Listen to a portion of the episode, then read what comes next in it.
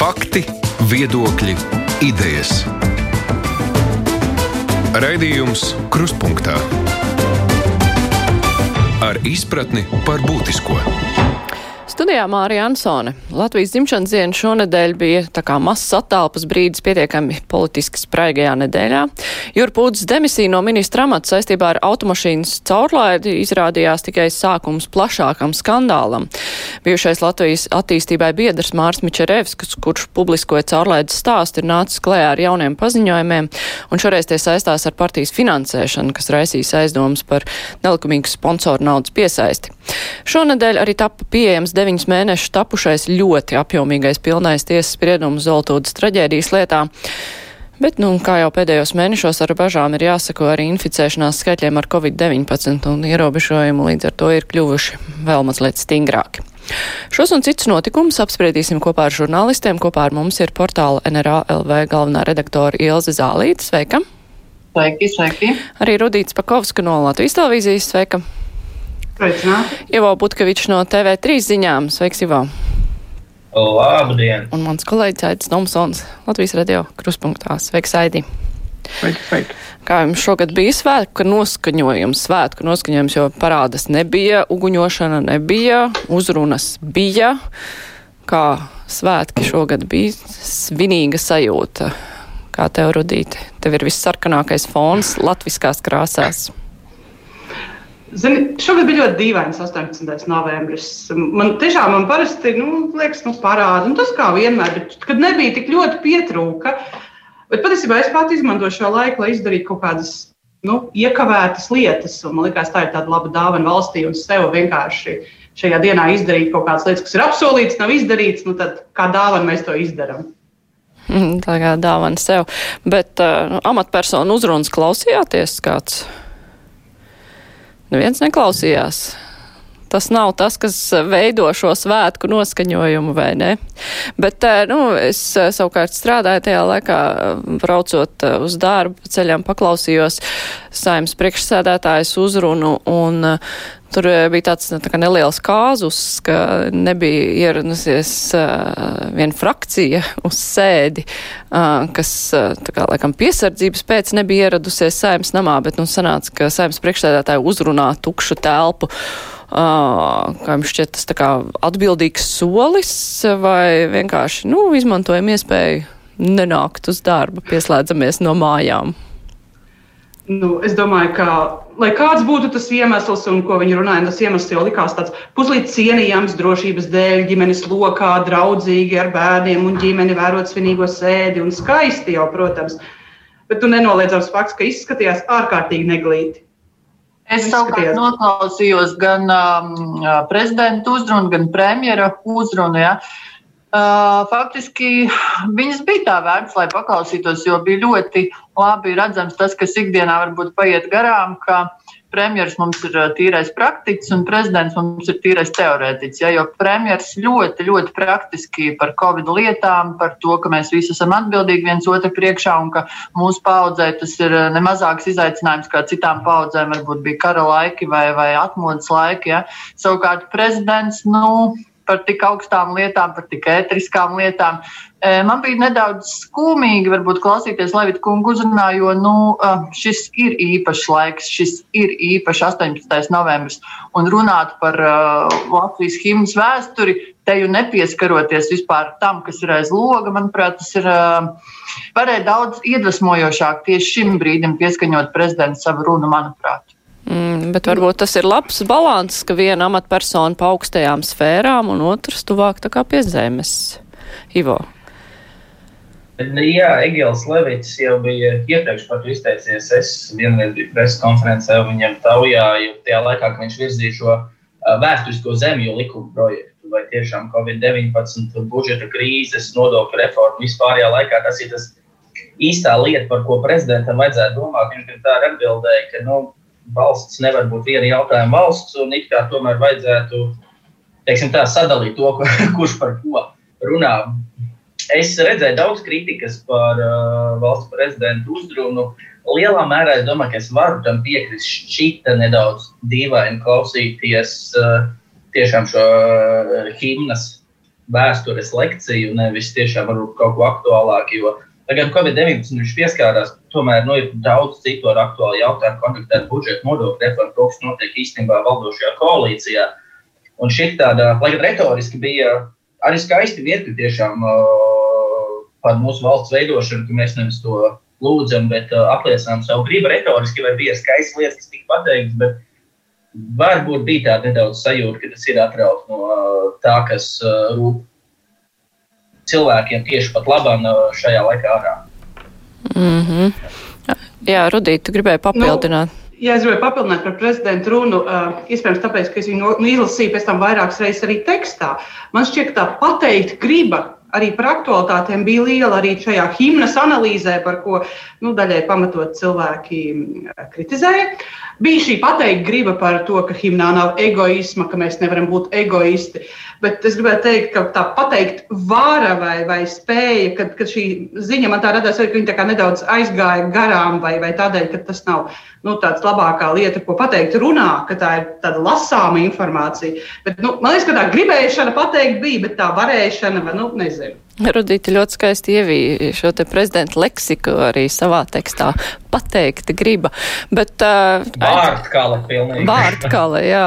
jā. Uh, bet, uh, nu, saistībā ar prezidentu, vismaz klausītāji, kas arī rakstīja brīvajā mikrofonā, viņus satrauc ne šī uzruna, bet prezidenta algas jautājums, kāpēc uh, tiek rosināts pa, palielināt prezidentam algu tieši šajā laikā. No viens puses ir skaidrs, nu, prezidentam un tāpat kā citām amatpersonām algu liek, vadoties pēc iepriekšējā gada kaut kādas vidējās algas statistikas tajā pašā laikā. Nu, šis ir tas brīdis, kad visi zina, ka būs grūti un iespējams daudziem būs ļoti, ļoti grūti un arī palīdzību ne visi saņems.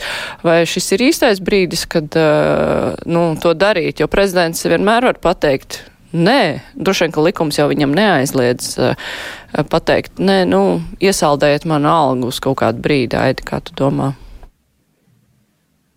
Protams, ka alga ir interesantāks jautājums par runām, jo runa jau ir tikai simboliska lieta. Es arī to diskusiju, kas tur sociālajos tīklos, kas katram nepatika runā vai ko katram šķiet vajadzēja tur pateikt, nu tā ir tāda nu, nezinu, cik cilvēki tik viedokļi. Tas man liekas, nav tas būtiskākais. Alga, protams, ir šajā reizē tiešām jautājums varbūt ir vietā, jo uh, nu, šis ir tas brīdis, kad daudz cilvēku riskē atkal, nu, ne tikai riskē. Man ir atkal zināma viena ģimene, kas paliek vispār bez iztiks līdzekļiem šobrīd. Pat tiešām gan vīrs, gan sieva abi ir saistīti ar kultūras dzīvi. Abiem būtībā paliek uz nulli pašlaik. Atkal jautājums, tik, cik varēs valsts nākt. Vai šis tas ir brīdis, kad vajadzēja domāt par algu palielināšanu? Droši vien jautājums ir aktuāls. Man tā šķiet. Mm -hmm, Jāze. Ja runājam uh, par, uh, par prezidenta algu, man liekas, tur atkal ir simboli un ir praksa. Ja mēs runājam par uh, praksi, Runa ir par 300 eiro apmēram. Ja šobrīd prezidentam alga ir 5,900, tad tur iet runa apmēram par 6,200. Ja? Tātad, nu, praksē tas nav ļoti liels pieaugums. Otra lieta. Um, Man ļoti patika kolēģa Oto Ozola replika, vai tiešām Levits ir kaut ko tik būtiski izdarījis, jo arī mēs kā darba ņēmēji zinām, ja tu ej pēc algas pielikuma, tev ir jāpasaka, kāpēc tu viņas nu, nopelnījis.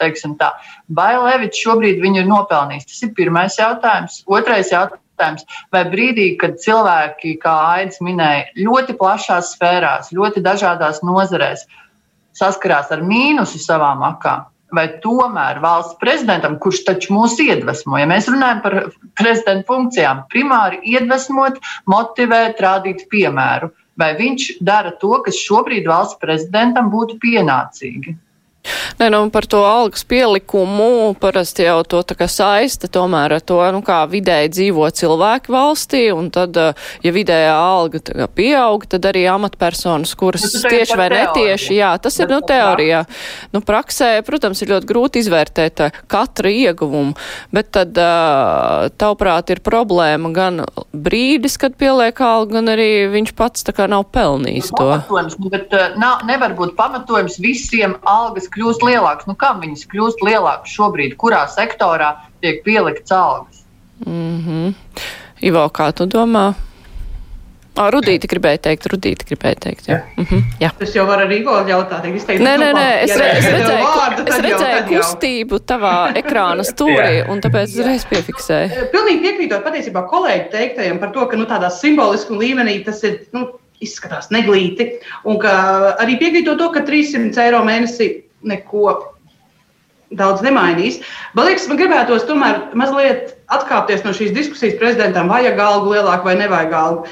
Jo šajā krīzē tas nav tā mūsu lielākā problēma. Es atvainojos, diskusijai būtu jābūt par to, kuri mūsu atbalsta pasākumi, kāpēc viņi ir tikai decembra vidū, kādi ir viņu nosacījumi, vai mēs darām visu, lai palīdzētu šiem cilvēkiem, ko minēja Aits, kuri palikuši iztiks līdzekļiem. Tā vietā mēs, es atvainojos, bet tērējam lieki laiku ņemoties par 300 eiro prezidentam, kas, protams, ir nesmugs simboliski, bet.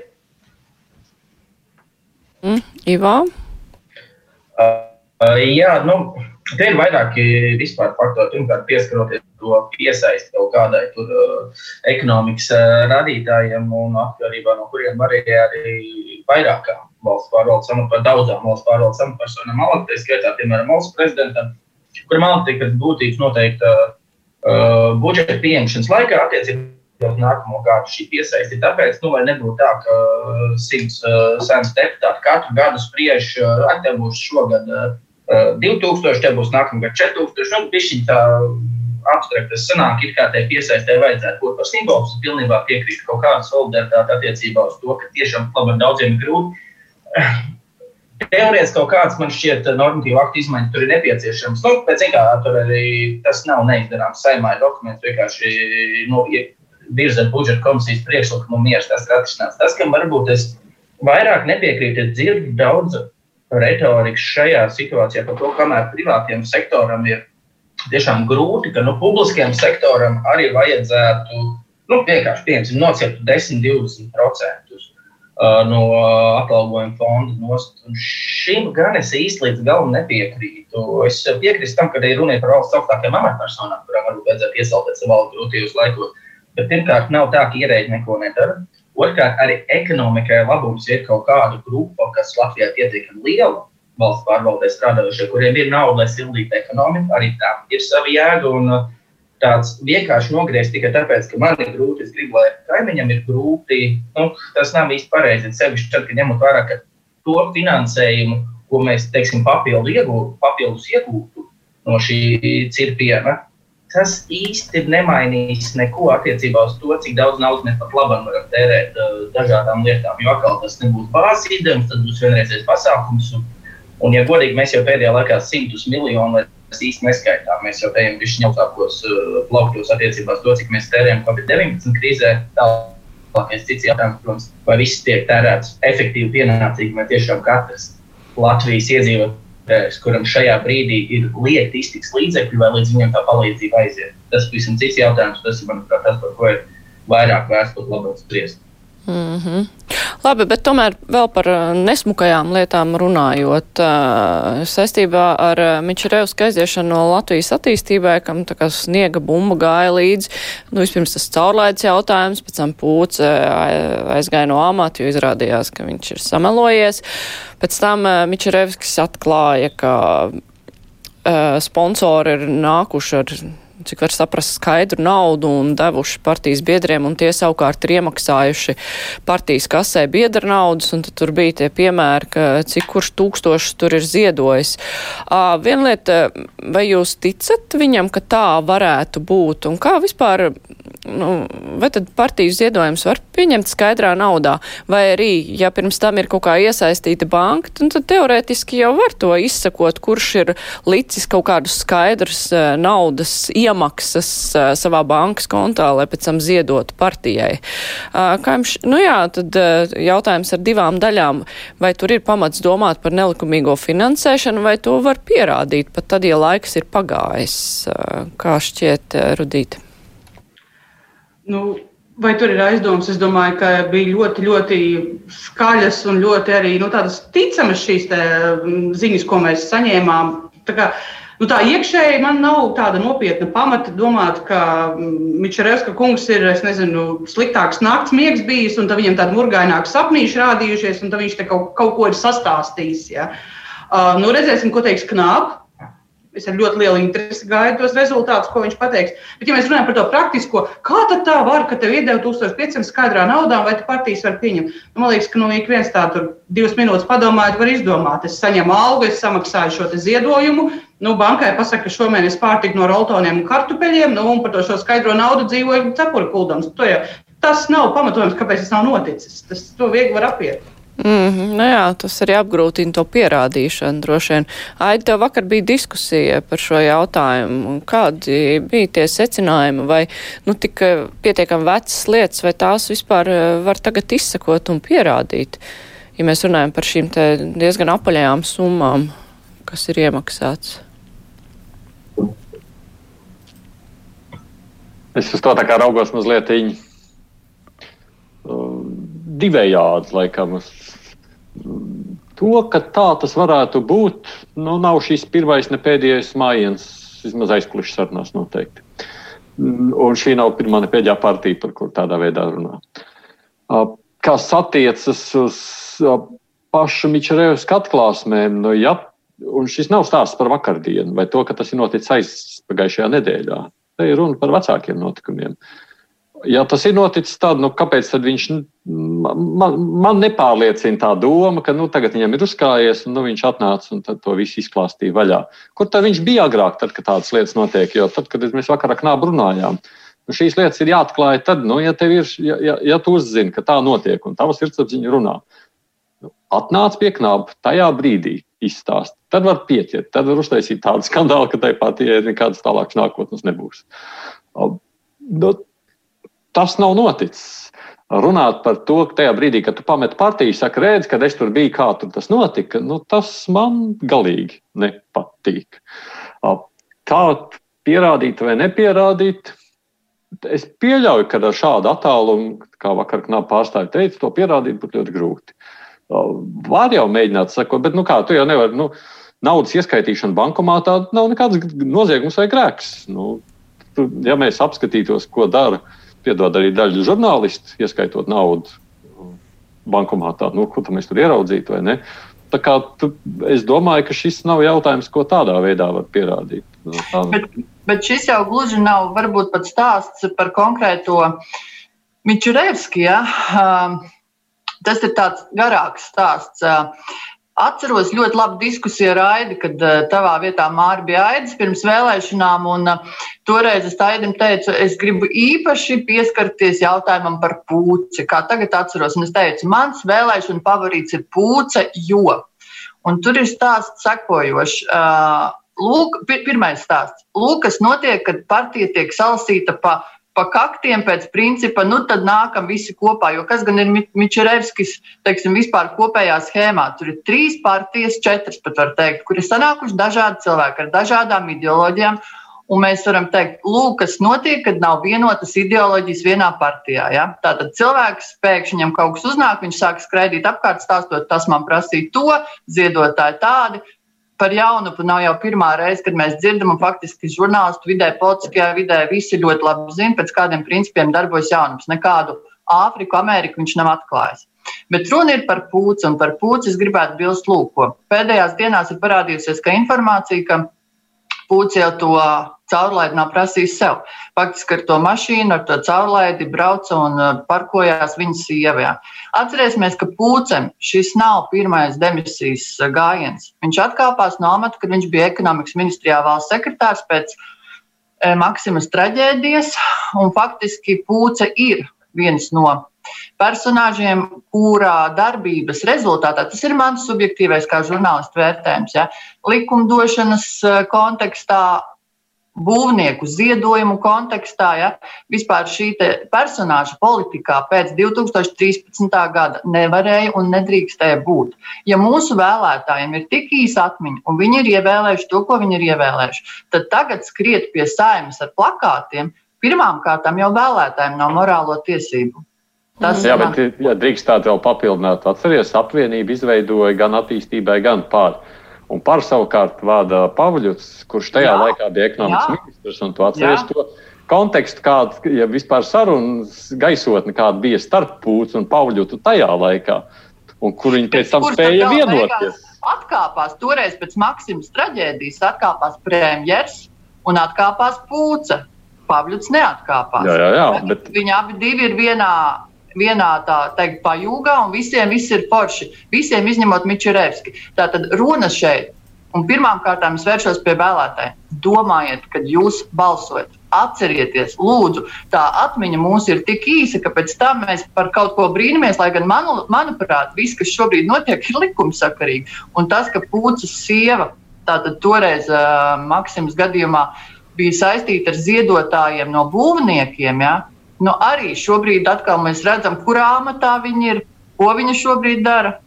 Uzliek, ka to viegli saliekt. Nu jā, droši vien tik forši jau nav viņiem tajā vienā pajūgā pēc uh, visa šī, tomēr, lai arī par uh, viņu daļa uh, viņus tā kā vēl aizstāv, bet var just kaut kādu zināmu stomīšanos uh, tajā pašā laikā Latvijas attīstībai attiecībā pret to, ko saka Mičerevskis, tur ir vienkārši viss skaidrs.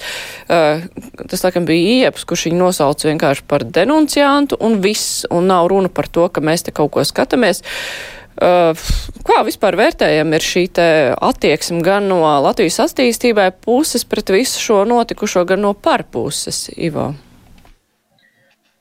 Uh, pirmkārt, nedaudz atgriežoties pie tā uh, iepriekšējā tēmas, gribu pateikt, gluži plaknē, tiks vai neticu, tur uh, īsti negribētu runāt, bet nav jau nevienam noslēpums, kā tieši Latvijas attīstībai vēl laikā no biedrības beig beigās izveidojās par partiju un tieši kuri un kādi uzņēmēji bija tam aiz muguras. Un, uh, skaidrs, protams, ka kaut kāds sajūta tur starp uzņēmējiem, ietekmīgiem un politiku ir bijis. Legāls, nelegāls, tas ir cits jautājums, un to arī tiesības sargājušās iestādes. Kontekstā ar pašu apvienību pat labā uh, un progresīvas gribētu vēl pagaidām palikt maliņā, no, jo tas ir diezgan jauns stāsts. Bet nav jau tā, ka par un attīstībai abi liberāli, visi tik vienkārši sokas un tā.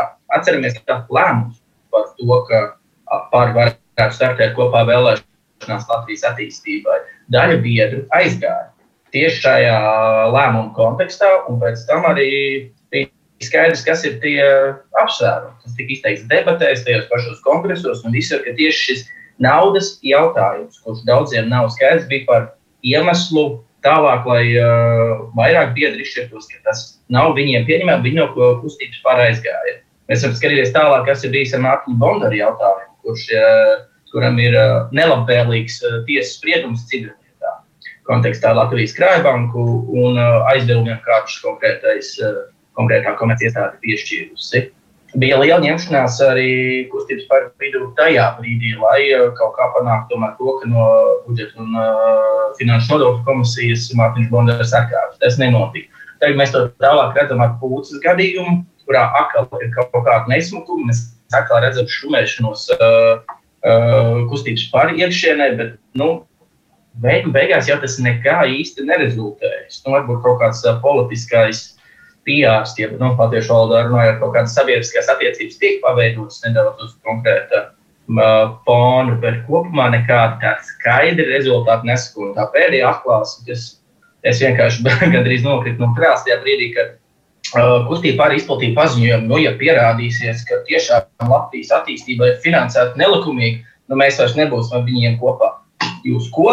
Kas tas tāds? Protams, ka man arī jāpiekrīt Aivim, ka vai tad viņi sāka draudzēties, es nezinu, tur ar uh, Romas katoļu pāvestu, vai tad viņi nezina, kas ir jaunups, kas ir bondārs, kas ir pūce, viņi ko no plaukta ir nokrituši. Faktiski tas viss ir tāds milzīgs teātris publikai. Visi ļoti labi šo te, mm, virtuvi zina. Un iespējams, Jā, Mičerevskim ir kaut kādas atklāsmes, kā cilvēkam, kas tikko ir ienācis politikā, bet arī viņš nestājās partijā, kurā ir baleta trupa. Viņš taču zināja šos uzvārdus. Viņš Jā, bet tagad es.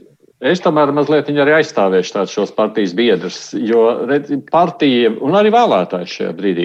Jo partija jau neveido tikai divi vai trīs vadītājus. Šis nav stāsts tikai par šo apvienību. Mēs ļoti līdzīgu ainu esam redzējuši arī iepriekšējās reizēs, jau 90. gados, 2000. gados ar partijām un partiju apvienībām, kad vadītāji spēlēja vienu lomu.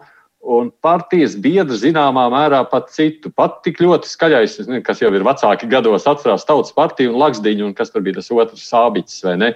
Kas veido vienu tēlu, un partijas vadība otru tēlu. Un vēlētājiem tā nav tik vienkārši izšķiršanās. Viņš nebalso tikai par pūci. Un, jo tur ir vairāk kopā un attīstībai pāri ir vairākas partijas jau kopā, plus vēl Rīgā parādījās progresīvie. Tā ir, nu, tā ir tāda izvēle starp. Nu, starp mazāko ļaunumu, iespējot plusoties un svītrojot, bet beig beigās, protams, ievelkot iekšā politikā gan viens, gan otrs. Nu, tā tas bet, notiek. Tiešām vēlētājiem nestāv priekšā, piemēram, Zatlera partija. Eh, kam pieder eh, vara Latvijā. Ja? Nu, paklausieties, visi šie daudzpakāpju, uh, daudzpakāpju partijas, kuras tiek veidotas pēc principa, nu nāciet, mums pietrūkst kvoruma, viņas taču vienmēr beidz nelabi. Tur sākas šķelšanās, tikko viņi ir nonākuši tur, kur viņi ir gribējuši. Bet tu zini, katra partija dzīvo savā noteiktā nišā, un attīstībai par faktiski dzīvo tajā nišā, nu, kurā eksistē kas vēl tajā brīdī. Nu, kaut kāda jaunā vienotība, nu, kas ir KPVLV vai kaut kas tam līdzīgs. Jo nacionāla vai saskaņa tās ir divas nu, pretējas nišas. Un tajā vidū ir kaut kāda izvēle starp diviem, trim. Nu, tad tajā brīdī jaunajā vienā, nu, tu jau pats zini, kā tas skatās. Nu, tad tu domā, hmm, balsot par Solvitu Āboltiņu. Vai balsot par pa, Danielu Pavļutu. Nu, šīs ir tādas izvēles, kurās tu skaties. Nu, jā, nu, tu izskatās tā, ka tu blisini acis apmēram, jā, un vēlētājs arī stāv blisini acis un domā, hmm, nu, kurā pusē, jo nu, tu jau nevari balsot, pieņemsim, tikai tāpēc, ka tev gan viens, gan otrs nepatīk nobalsot par Ušakovu. Nu, tā tu arī nevari.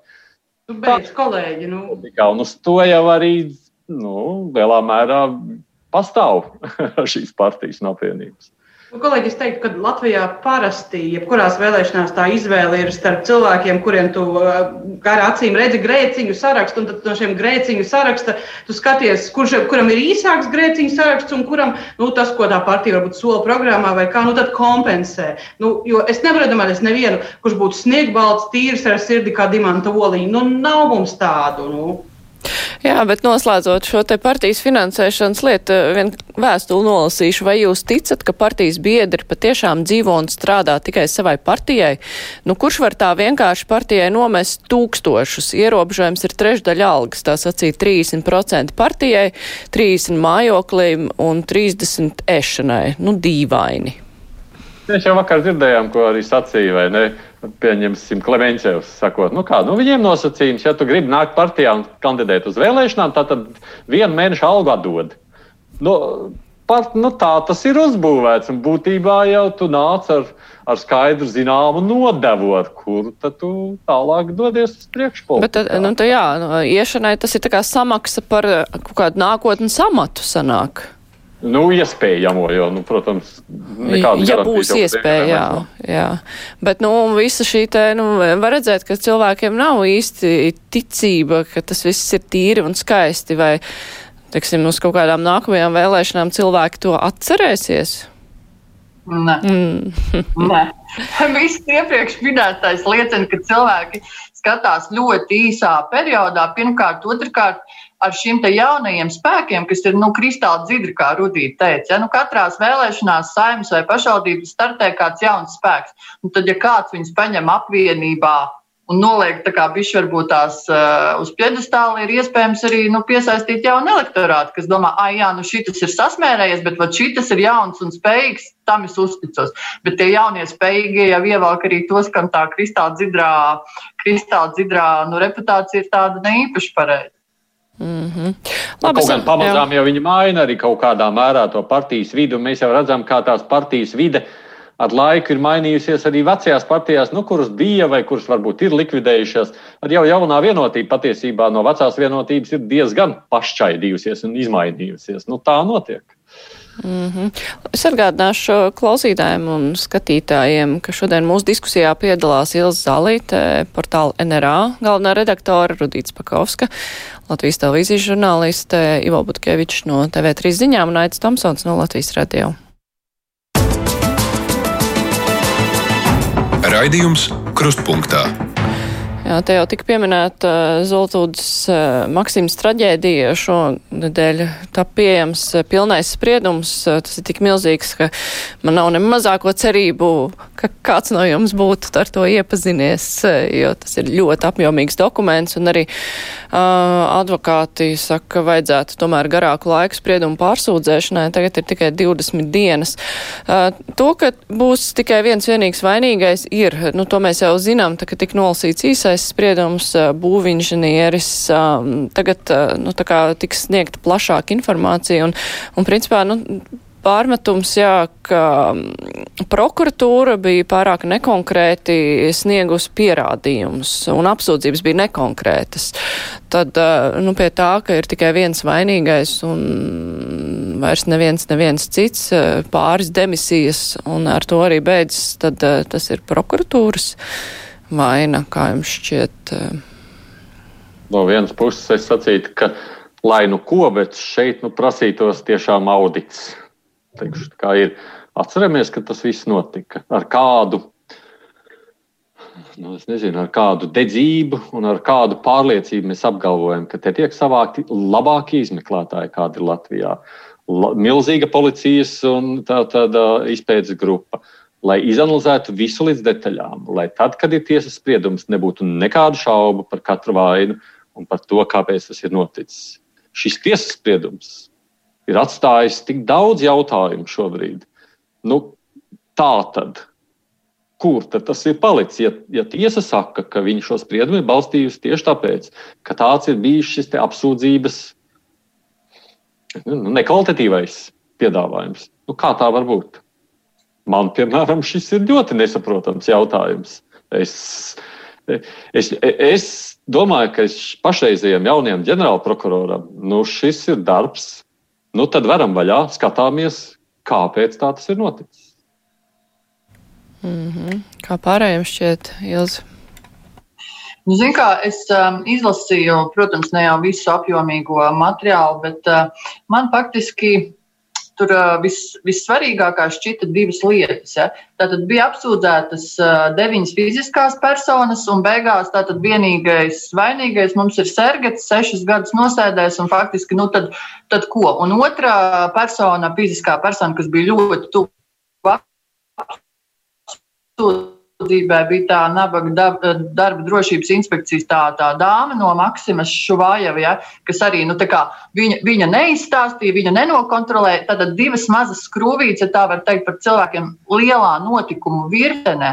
Ja mēs skatāmies tieši uz juridiskām personām, tur ir gan Maksima, gan Kups, gan arhitekti, gan būvinženieri, gan Rīgas būvvaldes eksperti. Neviens nav vainīgs. Tātad tikai nabaga sergets, kurš konstruēja, un nabaga darba drošības dāma, kur kādam kaut ko nepastāstīja stāsti. Bet faktiski tiesa aicina prokuratūru šobrīd ja, sākt kriminālu procesu pret kopņu ražotāju. Ja, tātad šo te nu, štancētāju, var teikt, kurš ir uzražojis nekvalitatīvas kopnes. Arī, manuprāt, nu, tiesas kā, tas ieteikums, ko darīt tālāk, ir diezgan traģikomisks.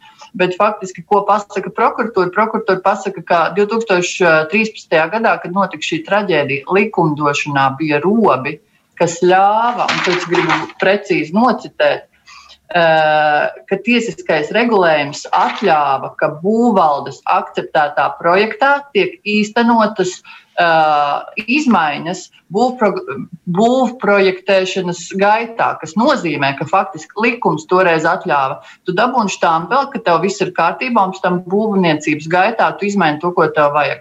Un šeit jau arī ir atbilde, un tad mēs atgriežamies pie Pūces, tad mēs atgriežamies pie ekonomikas ministrijas, kas uzraudzīja likumdošanu. Ja likums to ļāva. Bet uh, tas nozīmē, ka arī prokuratūrai tad, uh, nu, rokas bija sasiets, bet viņi taču tomēr mēģināja kaut kādas nu, apsūdzības. Tas ir apsūdzības. No, jā. problēma, ka tiesnesis saka, ka 13. gadā bija spēkā aplams būvniecības tiesiskais regulējums. Lūk, viņi faktiski caur puķiem pasaka, nevaram mēs nevienu apsūdzēt, jo tiesiskais regulējums bija aplams, un tas pie tā arī noveda. Bet ar pie šīs secinājuma bija jānonāk arī prokuratūrai jau pirms. Pirms jā, nevis pēc, pēc visa šī milzīgā procesa, Ivo. Uh, pirmkārt, par pašu lietu šķiet, mēs nu, īsti tā neko ļoti skaidri jaunu iekatīt tam, kas bija iepriekšējā reizē pasludinot uh, spriedumus, neko neuzzinājām. Tiesa pārmet prokuratūrai to nepilnvērtīgu darbu. Prokuratūra kaut ko mēģina atsisties, sakot, ka nu, tur tiesa kaut ko ne tā ir nolasījusi. Te gan ir jāatcerās, varbūt, atkal runājot nevis par tiesības, bet morālu atbildību.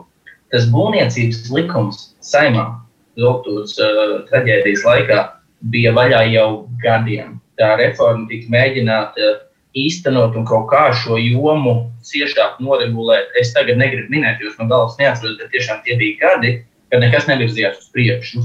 Šīs, protams, traģēdijas inercē pēc tam tas uh, likums uh, tika pieņemts. Bet uh, nu, te varbūt ir jārunā arī par, par morālu atbildību. Jūs pats sev esat uzdevis jautājumu. Tāpat kā kuram citam latvietim, man šī traģēdija ļoti sāp, bet, bet kas, tad, kas ir tas, ko es gribu? Nu, viens ir par maz. Es piekrītu, man šķiet, arī tas muļķīgi, ka viens cilvēks vainīgs, bet ja trīs būtu vainīgi, es būtu apmierinātāk. Ja seši, ja visi deviņi, kas ir, ir grūti nodecināt manis un pašam personīgi sevi, es nezinu, jūs kolēģi kaut kā ir citādi. Kas tad ir tas, ka, kad es beigās būtu nosacīti apmierināts, cik vien var būt apmierināts šajā situācijā ar vienu vai otru tiesas spriedumu? Būtu, nu, mēs būtu apmierināti, tad, ja mums būtu skaidrība. Tur jau ir tā problēma, ja, ja nāk prokuratūra un saka, Mums ir viedokļi šeit pieciešami, mums ir deviņi vainīgie. Un atnāk tiesa un saka, nē, mums ir viens tikai pāriem par astoņiem. Nu, tur jau tā problēma ir šajā brīdī. Man tas vai nu viens, tad bū, prokuratūra jau var, varēja atnākt un pasakīt, lūk, ir tāds likums ir šāds. Ja? Mēs redzam, ka atbildība var prasīt tikai no tā. Te ir iespējams jā, morāla atbildība, nu, nu, bet uzlikt skaidrību, jo šobrīd katrs runā savu. Uh, Prokuratūra saka tā, tiesa saka šādu, un politiķis, protams, pa vidu arī ir. Nu, ja es, piemēram, Ivo, būtu apmierināta tad, ja vainīgs būtu nevis šis būvinženieris, kurš konstruē, bet ja tiesa pateiktu, Būvekspertīzes veicēji nav vainīgi, jo likums toreiz bija tāds un tāds. Būvuzraugs nav vainīgs, jo likumā bija tāds caurums. Būvvaldes vadītājs nav vainīgs. Nevis vienkārši nav vainīgi, jo nu, vat, nav vainīgi. Ja? Lai viņi parādītu, kāpēc šāda situācija izveidojās, kas toreiz bija par pamatu. A, ja mēs tā ļoti vienkārši runājam par pamatu, bija tas, ka būvniecības uzņēmumi bija pienākuši pārāk tuvu politiskai elitei. Viņi bija pārāk ciešā sasaistē, tostarp par ziedojumiem, tostarp par saviem projektiem. Un būvniecības likumdošana, un Ivo taču arī toreiz strādāja un atcerās, ka viņa tika no latviešu valodā sačakarēta. Un tas ir vienkārši tāda traģiska sakritība, ka mums bija maksima. Varēja nebūt, bet viņa bija. Kolēģi, mēs visu laiku runājam liekas, par to tiesu. Tiesa, nu, ja mēs abstrahējamies no teicām par krēkliem un sirdsapziņām, tiesa lēma par krēkliem, par reāli, par likumiem, par robiem un visu. Bet mēs gaidījām stāstu par sirdsapziņām, un to nelēma tiesa. Kas man personīgi visvairāk, no vienas puses, vispirms satriec, bet pēc tam es tā tā mazliet skumji noskumu un sapratu, ka savādāk nevar par to, par šīm juridiskajām personām, kuras arī bija apsūdzētas, bet visas tika attaisnotas. Uh, viņas tika apsūdzētas, jo šo juridisko personu nu, uzdevumā vai, vai nu, teikt, viņu labuma vārdā šīs fiziskās personas bija veikušas šos savus sliktos nodarījumus, kas bija patiesībā bija kvalificēti kā. Nu, no, neuzman, no neuzmanības izdarīt noziegumu. Nu, tā tiesa saka, ka nu, tu nevari juridiskās personas interesēs izdarīt kaut ko aiz neuzmanības, jo izdarīt kaut ko aiz neuzmanības paredz, ka nu, tu neplānoji, ka tev nejauši sanāca. Un tad man liekas, tas jautājums, pagaidi, ja tev firma spriež, ka neslēgsim ciet veikalu un nevajag cilvēku evakuēt, jo mums būs slikta peļņa, tevi lamās, tu kļūsti neuzmanīgs, nevērīgs juridiskās personas labā bet aiz neuzmanības. Tas pats būvniekiem, visiem pārējiem. Bet to tiesā ir, es domāju, ka neiespējami pierādīt, ka tu uh, nerīkojies tik rūpīgi, kā tev varbūt pat nezinu, kaut kāds likums vai normatīvais akts neprasīja, bet ko būtu prasījis tāda loģika būt krietnam un rūpīgam saimniekam, rūpēties par savu veikalu, rūpēties par savu ēku, par darbiniekiem. Bet to ties, tiesā to nepierādīs, ka tev bija spiediens no augšas no vadītājiem, no juridiskās personas, ka, hei, mūsu peļņas rādītāji deg, nevar tik kārtīgi strādāt. Nu, bet tieši jau runājot par spiedienu, jo ja es uh, nu, negribu kļūdīties, bet manuprāt, kā es saprotu situāciju, tur tā lieta ir tāda, tika uzkonstruēts kaut kāds savienojums, ja, kas neizturēja spiedienu, tāpēc, ka nebija no sākuma paredzēta apzaļumošana uz jumta. Un vienkārši būvniecības gaitā kāds izdomāja, atdevai uzblēžam tur vēl kokus. Nu, Tāda ir tā, tāda ir tā praksa. Ja? Tātad kāds izdomāja, nu, un, un kāds ieraudzīja kokus, kad ir nolēma, nu, tas būs šausmīgi dārgi, visu pārtaisīt, pārreikināt, kādu izdevumu, kaut kas. Jā. Gan jau kā būs Jā. labi, nu nebija labi, bija briesmīgi. Bet, bet ja tā rezumē jūs sacīto, tad, nu, ja uzreiz pēc šīs traģēdijas tad mēģinājis kārtot jautājums, protams, cik veiksmīgi un vai tas tiešām nāca par labu, bet no nu, šo te būvu uzraudzības nozara, tagad pēc šīs sprieduma vajadzētu veikt auditu, pirmkārt, kā prokuratūra darījusi darbu, un otrkārt, kāda tad ir bijuši caurumi likumos, kas paredzētu atbildību. Tad tagad ir jāsāk šķetināt to, Ivo. Uh, par auditu, ne auditu, tā ir viena lieta, un varbūt tur kaut kāds juridisks risinājums, kā to darīt. Es gribēju par tiem caurumiem likuma atgādināt, ka mums jau tāda tā izmeklēšana nosacīta bija. Un ir parlamentārās izmeklēšanas komisija kontekstā šo traģēdiju, lai identificētu politiski atbildīgās amatpersonas un uh, robus likumā, kas ir pieļāvuši šādai nelaimēji notikt. Un, protams, tas beigās pārvērtās vispār tieši tādu pašu pāris kā vispārējās parlamentārās izmeklēšanas komisijas ar politikas taisīšanu. Un, uh, nu, Bet tie robu likumos to ir bijis grūti izdarīt, jo mums tiešām tas mēģinājums ir bijis. Un kā lai to izdarītu tā, lai tas nepārvērstos par kaut kādu vienkārši atkal politisku šovu, tas ir grūti atbildāms jautājums. Tad iespējams, ka tāda īsta skaidrība un tāda salikšana pa plauktiņiem var arī nekad nenotikt. Nu, iespējams, ka tas ir tomēr analītiskās žurnālistikas, ja mūsu plauciņš nevis kāda cita. Jo patiesībā jau tas ir žurnālistikas pienākums. Man, godīgi sakot, ir žēl gan to Sergetu, gan to Šuvāju, jo viņi kā cilvēki, kā personāži, viņu uzvārdi. Nu, tagad katrs zina, ja, tāda Sergeta, Šuvāja un vēl pāris tos cilvēkus, kuri kā privāti personas, bet viņi jau neviens nedarbojās. Es Sergets gribu kaut ko izdarīt. Nu, viņi taču visi pārstāv uzņēmumus. Viņiem visiem ir. Ielas pazuda jā, gaidīsim tevi atpakaļ. Uh, mums ir uh, palikuši desmit minūtes, un uh, man gribētos uh, arī mazliet tādām. Kas deva darbu. Ah, Ilzi nu. dzirdam. Uh mhm. -huh. Atkal Ilze pazuda. Jā, es domāju, ka Ilze mums ir jārestartē. Tas ir nevis pati Ilze, bet uh, kolēģi, iespējams, ka mums vajag zumā restartēt uh, Ilzes profiliņu vai kā to sauc. Atlikušo laiku mazliet eh, netik smagam un skumjam tematam, eh, mazliet vēl par politiku. Eh, mums taču ir jāmeklē tagad jauns vidas aizsardzības reģionālās attīstības ministrs, ir jau ieteikts Arturs Toms Plešs, parlamentārais sekretārs. Viņš ir ļoti jauns, ļoti labi runā. Uh, ir dzirdēts, ka viņš tik labi pat runā, ka spēj sliktas lietas uh, iepārdot, uh, nu, kuras nav, nav tik labas, ja, bet, nu, tāds ļoti pārliecinošs jauns cilvēks. Viņš ir īstais, uh, nu, tas, kurš uh, tagad reģionālā reforma tīri praktiski virzās uz priekšu. Viņš būtu labs uzraugošais ministrs tam visam, kā jums šķiet. Ivo. Nu, ir kā no tādas ļoti cietas un skaidras nepolitiskas loģikas raugoties, protams, tas būtu pašsaprotami. Viņš bija puses birojā, viņš bija vidas aizsardzības reģionālās attīstības ministrijas parlamentārais sekretārs, kas nozīmē to, ka viņš komunicēja ministrijas pozīciju saimā. Daudzos jautājumos viņš vadīja administratīvu teritoriālās reformas komisiju, kas saimā skatīja sagatavoto reformu. Nu, it kā viss jau šķistu loģiski tiešām, ka konkrētais cilvēks arī šo amatu ieņem. Otra ir politiska šķautne, ņemot vērā viņu tuvumu konkrētajai ministrijai, tas automātiski nozīmē viņu tuvumu konkrētajam ministram. Konkrētais ministrs, kā izpratnē, ir visai toksisks. Mēs, piemēram, redzējām, kas tur vakar notika saimā ar to laiku, kad viņš ņēma mandātu un visu pārējo. Tas savukārt pavēr uz tam, ko jau ir izteikušies pārstāvji no kustības par, partneri Latvijas attīstībai, ka nu, nav nekur akmenī iekauts, ka vidas aizsardzības reģionālās attīstības ministram ir jābūt tieši no Latvijas attīstībai. Teiksim, tā, ja man būtu jādara, es teiktu, ka, ka tomēr viņš būs nākamais ministrs, bet es domāju, ka tur nebūtu droši katrā ziņā par to, ja es darētu. Mm -hmm. Rudīt, kā tev šķiet? Nu, man šķiet, ka jāpiekrīt tam, ka ir zināma loģika, ka viņš šo amatu ieņem. Bet es esmu dzirdējis arī diezgan nu, tādas. nu, balsis par dažādiem citiem variantiem, kuri vairāk ticam, mazāk ticam. Bet šis ir tāds labs pārbaudījums attīstībai par tam rezervistu soliņam. Tāpēc, ka iereiz tu esi pie varas, tev ir jāvalda valsts, tev ir jāpiedāvā cilvēku amatiem. Tad kāds ir tavs kadru klāsts, ko tu vari piedāvāt, cik viņi ir gatavi iet un darīt šajā situācijā. Un tā, tā politiskā situācija ir visai interesanta, jo, būsim godīgi, pirms vairākām nedēļām tā valdība likās tāda dīvaini nestabila dažādi čuksti no dažādām vietām skanēja par dažādu koalīcijas partiju ambīcijām, tajā skaitā arī par attīstībai par ambīcijām, varbūt tādu lielāku lomu spēlēt vai kā.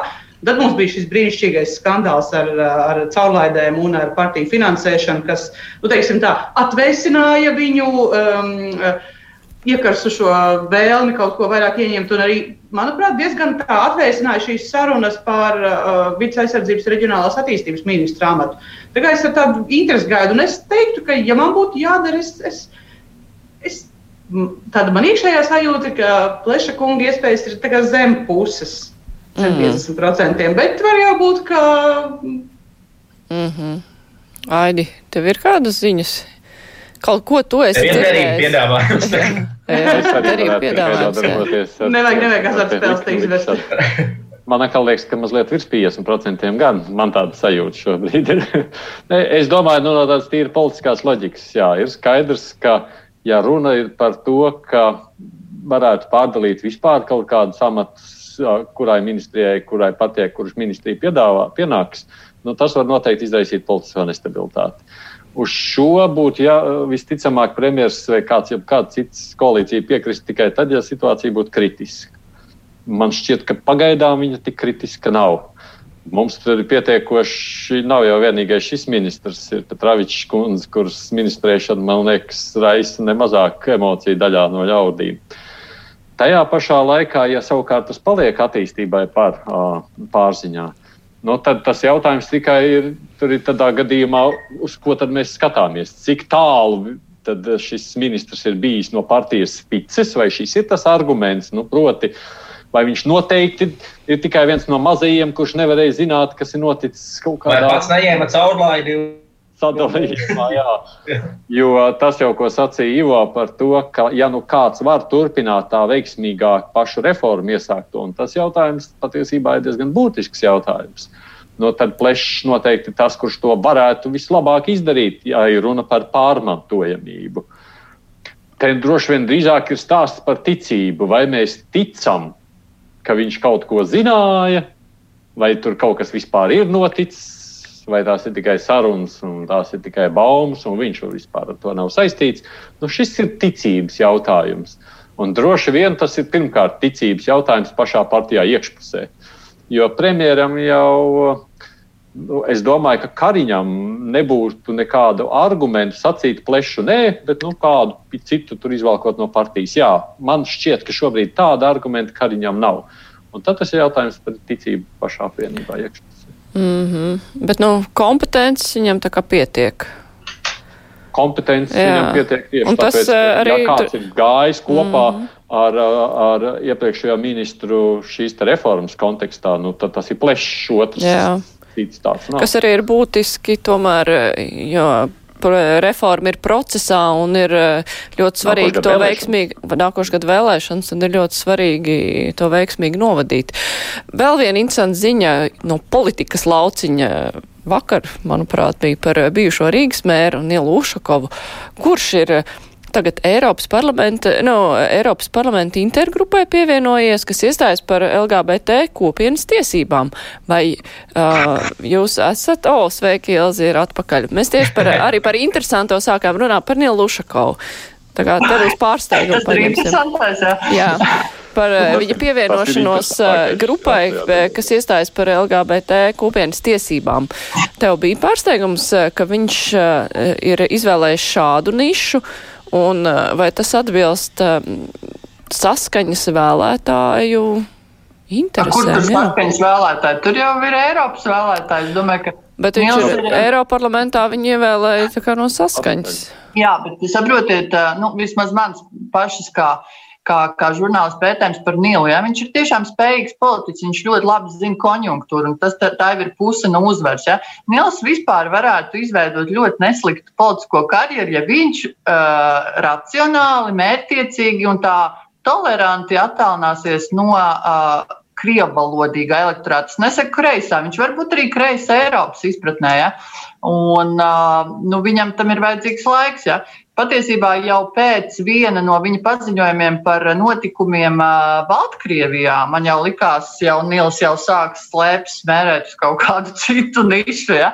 Faktiski viņš, es domāju, ka lēnā garā mēģinās mainīt savu amplānu. Manuprāt, ja mēs runājam par tepat pūces toksiskumu, tad Ušakova, Nila Ušakova toksiskums šobrīd, nu, tas nav tik īss, lai viņš varētu kādās tuvākajās nākošajām vēlēšanām jau startēt no kādas partijas un Man, es, ne, es to nevaru. Nē, bet es nerunāju varbūt tikai lokāli par Latviju. Ja? Ždanoka jau arī ļoti laba karjera Eiropā. Ja? Un, un, jā, bet jāievēl jau Latvijā. Nu, jā, jā, ir jau vietējie vēlētāji, kuriem ir svarīga tā ziņa. Ivo gribēja arī kaut ko teikt.